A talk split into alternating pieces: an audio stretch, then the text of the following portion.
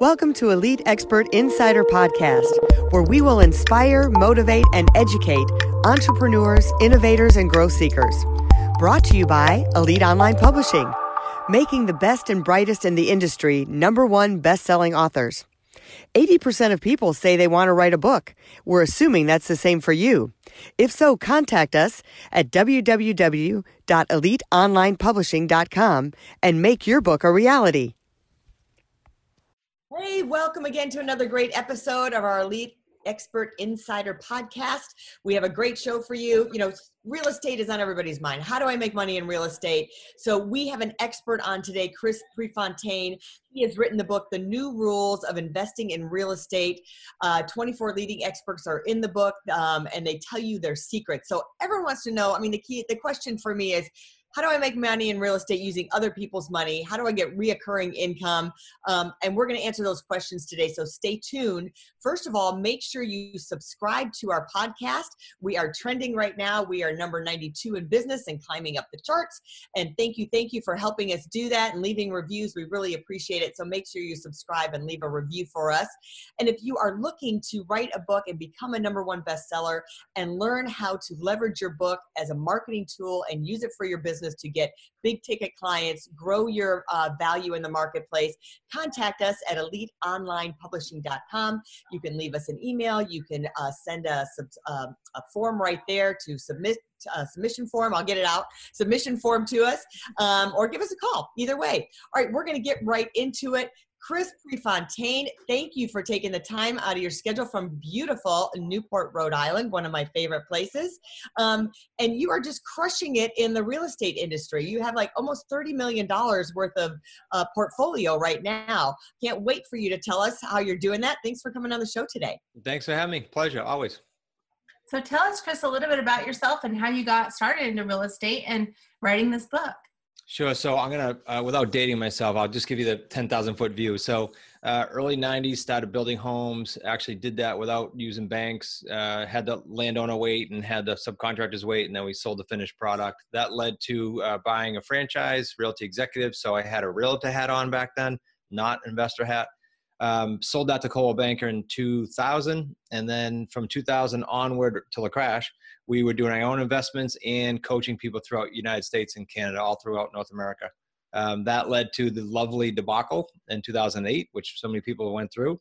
You mm-hmm. guys probably have books and books and books on that that you know of. Um, so that caused us to re-engineer the business though to be what it is today. Literally um, buying homes, not even without not even with other people's money, as Melanie referenced, but literally without money and without credit and without signing personally on any loans. And that's what we do now. We buy everything on terms, what we call terms.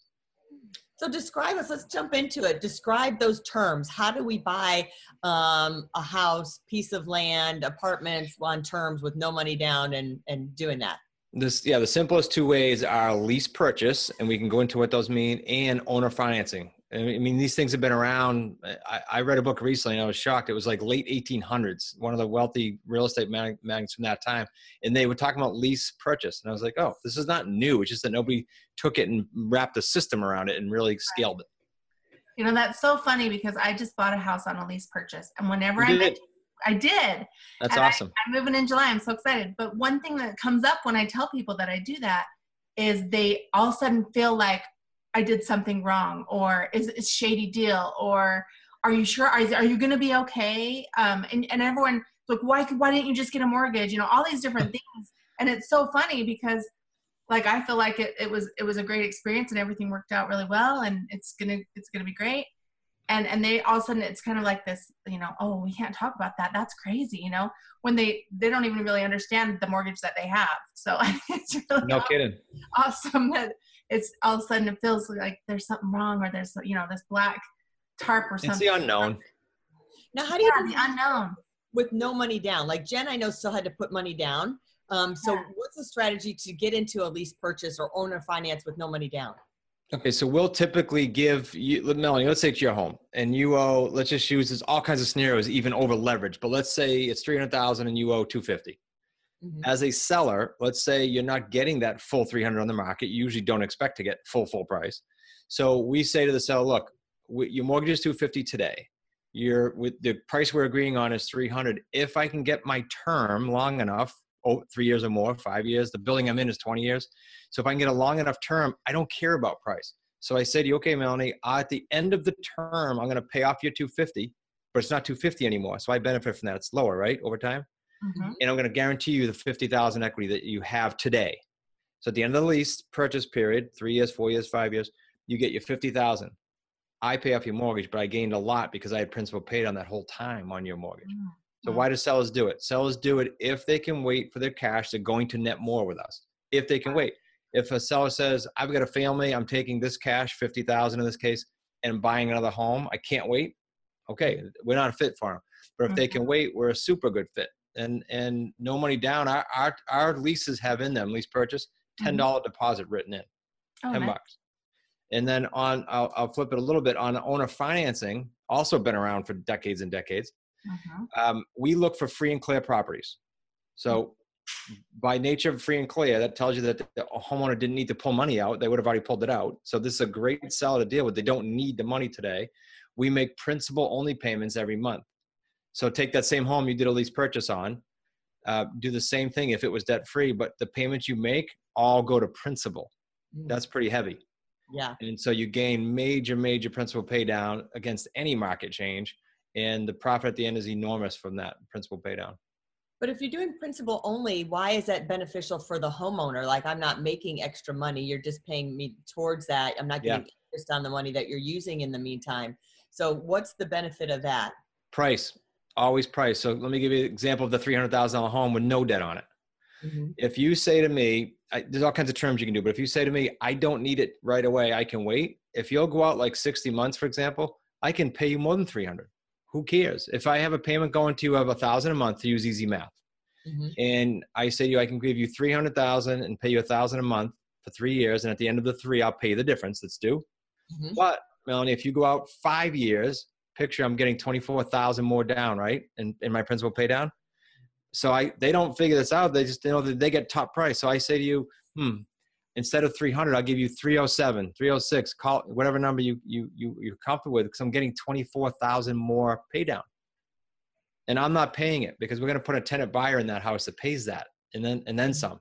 So in your case, you had a house you're, you're doing, but if it's, I'm going to do it as an investor, I'm going to make money on the spread every month and I'm going to make money on that principal pay down and the owner is going to get the top price that they couldn't get on the market. Right. So they're almost getting, if you give them more than what they're asking, so to speak, then that's really kind of considered the interest that you might have paid on that money, um, but it's spread out over that time. That makes sense. Yeah, and it's and it's principal so that they're not getting taxed on a little bit of interest income and having to report that every month. They're Right. putting it towards their principal, so that has to do with their capital gains maybe or whatever they're doing personally. Yeah. So explain explain owner finance for those who don't understand what it is. Sure. And when they hear owner finance, you know, sometimes they do get those whistles going off like, what is it? I don't understand. Because everyone's so comfortable going to a bank and asking for money. But everyone's not comfortable going to people and asking for money, but they don't understand the difference. So kind of Yeah, yeah. This is huge because I I if you are comfortable with banks and you get to know what you really just signed, you won't be comfortable with banks. exactly. Um, and I learned that the hard way in the debacle when 23 properties and, and, and banks came looking for us for the money when the values dropped. Okay. So please understand what you're signing when you go to a bank. Number one. Number two, you're paying fees. So it's costing you a whole bunch more than you think. So the difference is this. Um, I go to Melanie. Melanie doesn't owe anything on her home. And I say, great, I'm going to pay you 307 for that house that we just talked about. And the difference is instead of going to a bank and bringing the money to the table, Melanie's the bank. She gets a first mortgage on her own house to protect her interest in case I get hit by the yellow bus or go to Tahiti and take off, stop making payments. She gets protected. She takes her house back. But in the meantime, she's totally secure. She's make, getting payments just like the bank would. Only the difference is the bank dictates to you the terms. We together structure the terms that are win-win. That's the big difference. Is that what you meant? Mm-hmm. Yeah. So owner finance is the person is the bank. And I think that's the, the big thing that people need to understand when they're looking at owner finance is understanding how they're getting the payments instead of giving it to the big, huge bank who already has a ton of money. Right. Yep. Yep, absolutely. And then look, when you if you if you're new to home buying, when you take out a, uh, on that example, if you take out a mortgage of three hundred thousand, teeny teeny bit going to principal at the beginning, whole bunch going to interest, and that changes over time, but ever so you know slightly and slowly. With us, a thousand a month going to principal right off the bat, you'll never get that. Never, ever, ever in a million years. And this plenty. The amount of properties in the United States that are free and clear is about a third. A third. That's a lot of homes. You got enough people to go talk to. Well, and I have it, people never really do the math. Let's say that $300,000 home with the interest rate and you're paying all that interest up front. And let's say they refinance halfway through and they, they start all with those fees again and the higher they're paying more interest rate. Crazy. By the time you get done for, say you have a 20, 25 year mortgage in there, maybe you're going to pay actually $600,000 for that $300,000 home. Easy. interest. Hmm. And people people don't get that. It's like, oh yeah, I made money or I, you know, haven't lost any money in my house. But yeah, since you paid all that interest, you have really paid double, almost double for your house in most circumstances when you do yeah. that. You overpaid. What, yep. What are some other great tips that you have uh, in your book of the, the secrets? Share some other secrets with us. Well, I, you've mentioned the 24 experts. So here's, we're big on kind of the prosperity mindset, right? Versus lack. So we on purpose expose the students and the listeners to the podcast to all these different niches. There's all kinds of ways you can go in real estate. So in that book, you hear about tax liens, the newest stuff. You hear about um, the wholesaling, the rehabbing, the stuff they see on TV, and then all kinds of in between niches that that we're involved in. Because each one of these niches have sub niches that you can go ahead and make money at. What I would tell people is uh, two things. One is don't get caught by the shiny object because all that stuff's good, but pick one that you like and that you can relate to. And then once you do, pick someone that's current in that niche. It's great that they had some success 20 years ago, but real estate changes so fast and yeah. it can cost you your whole business and sometimes your personal assets too if you mess up and you're following someone that's been outdated. It's super, super important. And I say that about any business, by the way. It could be you want to go start a restaurant, find someone that did it, find someone that's still doing it, and then go latch on to them for three years. I mean, it's that simple in my book. Yes, for sure. I love that. Success leaves clues. That's one of my favorite. Sure does. So why try to redo? Yep. favorite quotes. Well, tell us a little bit about some of the people in the book. I noticed a couple of things in there about, you know, tech. Um, so real estate with tech, real estate with Airbnb. So kind of tell us some of your favorite uh, chapters in there. Yeah, I don't know. I, I don't want to slight anyone on the favorites, and I got a book behind me I could grab. But let me let me think of some cool things. So in there is Dr. Joe Vitale. Now let me. You know, people probably say, well, he's not real estate. Why is he in there? Joe and I are friends, and Joe works obviously on the headspace, right? Mm-hmm. So no matter what niche you pick, I, I, in some people's cases, 60 to 95 percent of the challenge is right there. Yes. Whether it's confidence or whatever else it is. So we so that's in the book. And mm-hmm. then uh, you mentioned Airbnb. Now there's a model that um, he's not even buying real estate. The gentleman in the book, he is traveling the world in his 30s and controlling more real estate without owning real estate than most of the hotel chains. That's pretty cool. And yeah. all he's doing is running an Airbnb system. Um, so if that's what you like, that that's a that's a chapter that's interesting. There's a chapter on tax liens.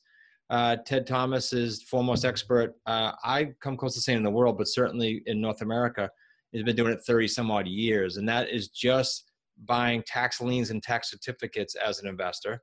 Now, so that takes money, right? Mm-hmm. Right. You borrow from private. Um, so there's all different ways of, of pivoting in there. There's apartment buildings in there. Some people don't mind going and asking people for investment money, you know, privately. Mm-hmm. I don't. I'd rather not ask anyone for anything and I'd rather not sign on any loans. So my niche is different, but I want to expose people to everything so they get to pick and choose and have fun with it. Yeah. And I like that you have an where you can pick and choose what to focus on and that mm. you have a focus. I think a lot of times people say, you know, I'm going to be a real estate investor and then they get a rental and then they do a flip and then they do this and they're not focused and they get all this you know go crazy. And then that's when they fail because they tried to do too many things. It's also what you just said is interesting because it's also more in my opinion i'm not trying to step on toes of people that are in my book even but if you're doing flips and wholesaling number one you're dealing with small checks in my opinion and i'll tell you why i say that in a minute compared to what we do.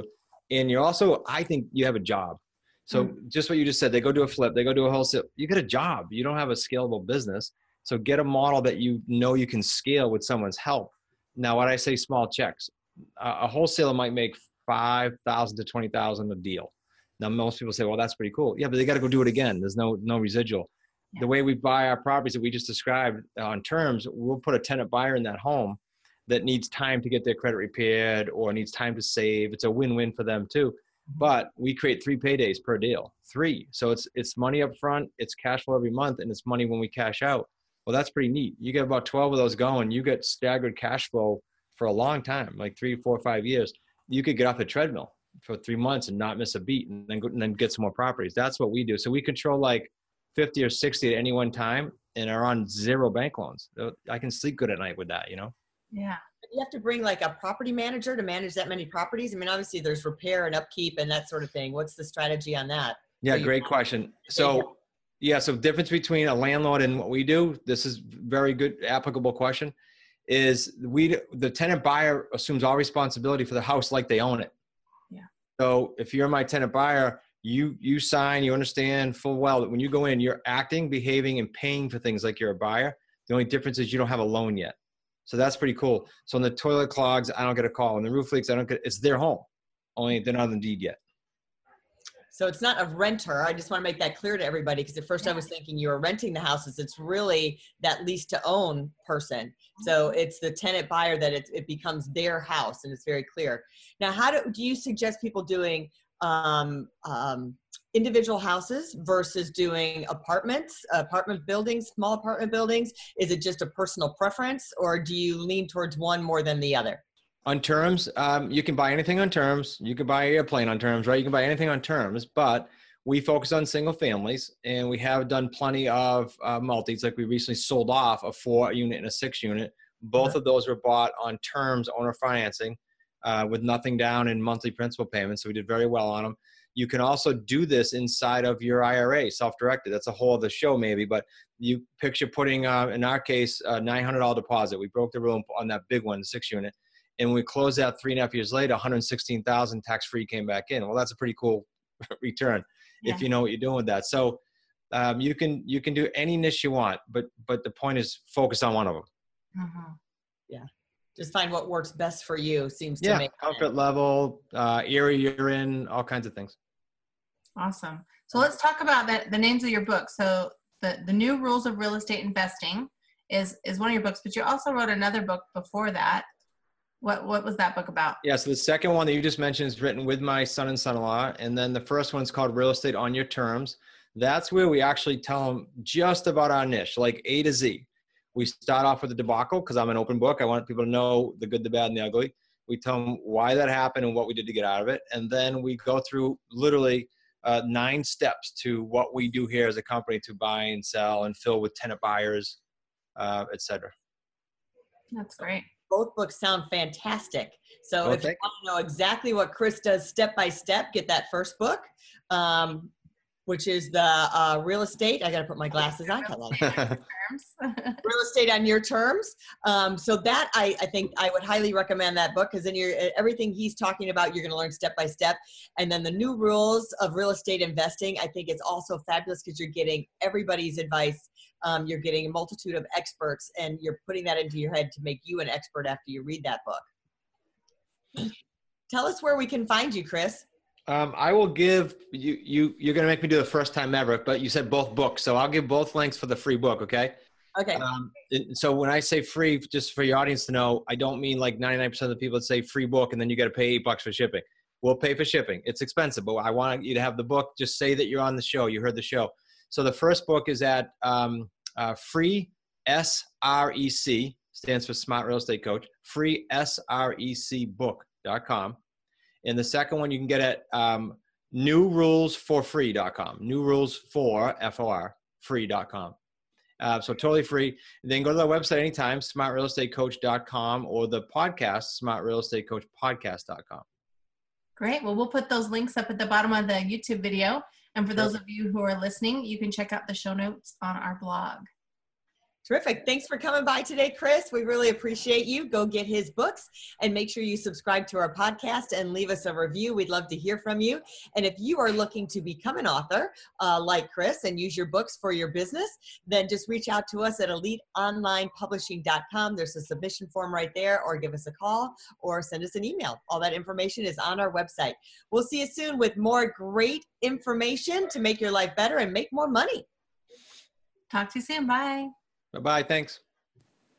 If you'd like to create the most powerful advertising tool for your business, contact us at eliteonlinepublishing.com, where we will help you create, publish, and make your book a number one bestseller and show you how to get new leads and more revenue for your business. If you'd like to check us out on our Facebook page, we have a free book for you as our gift. Just go and click free book. Remember to subscribe and leave a comment for our podcast. We would love to hear from you.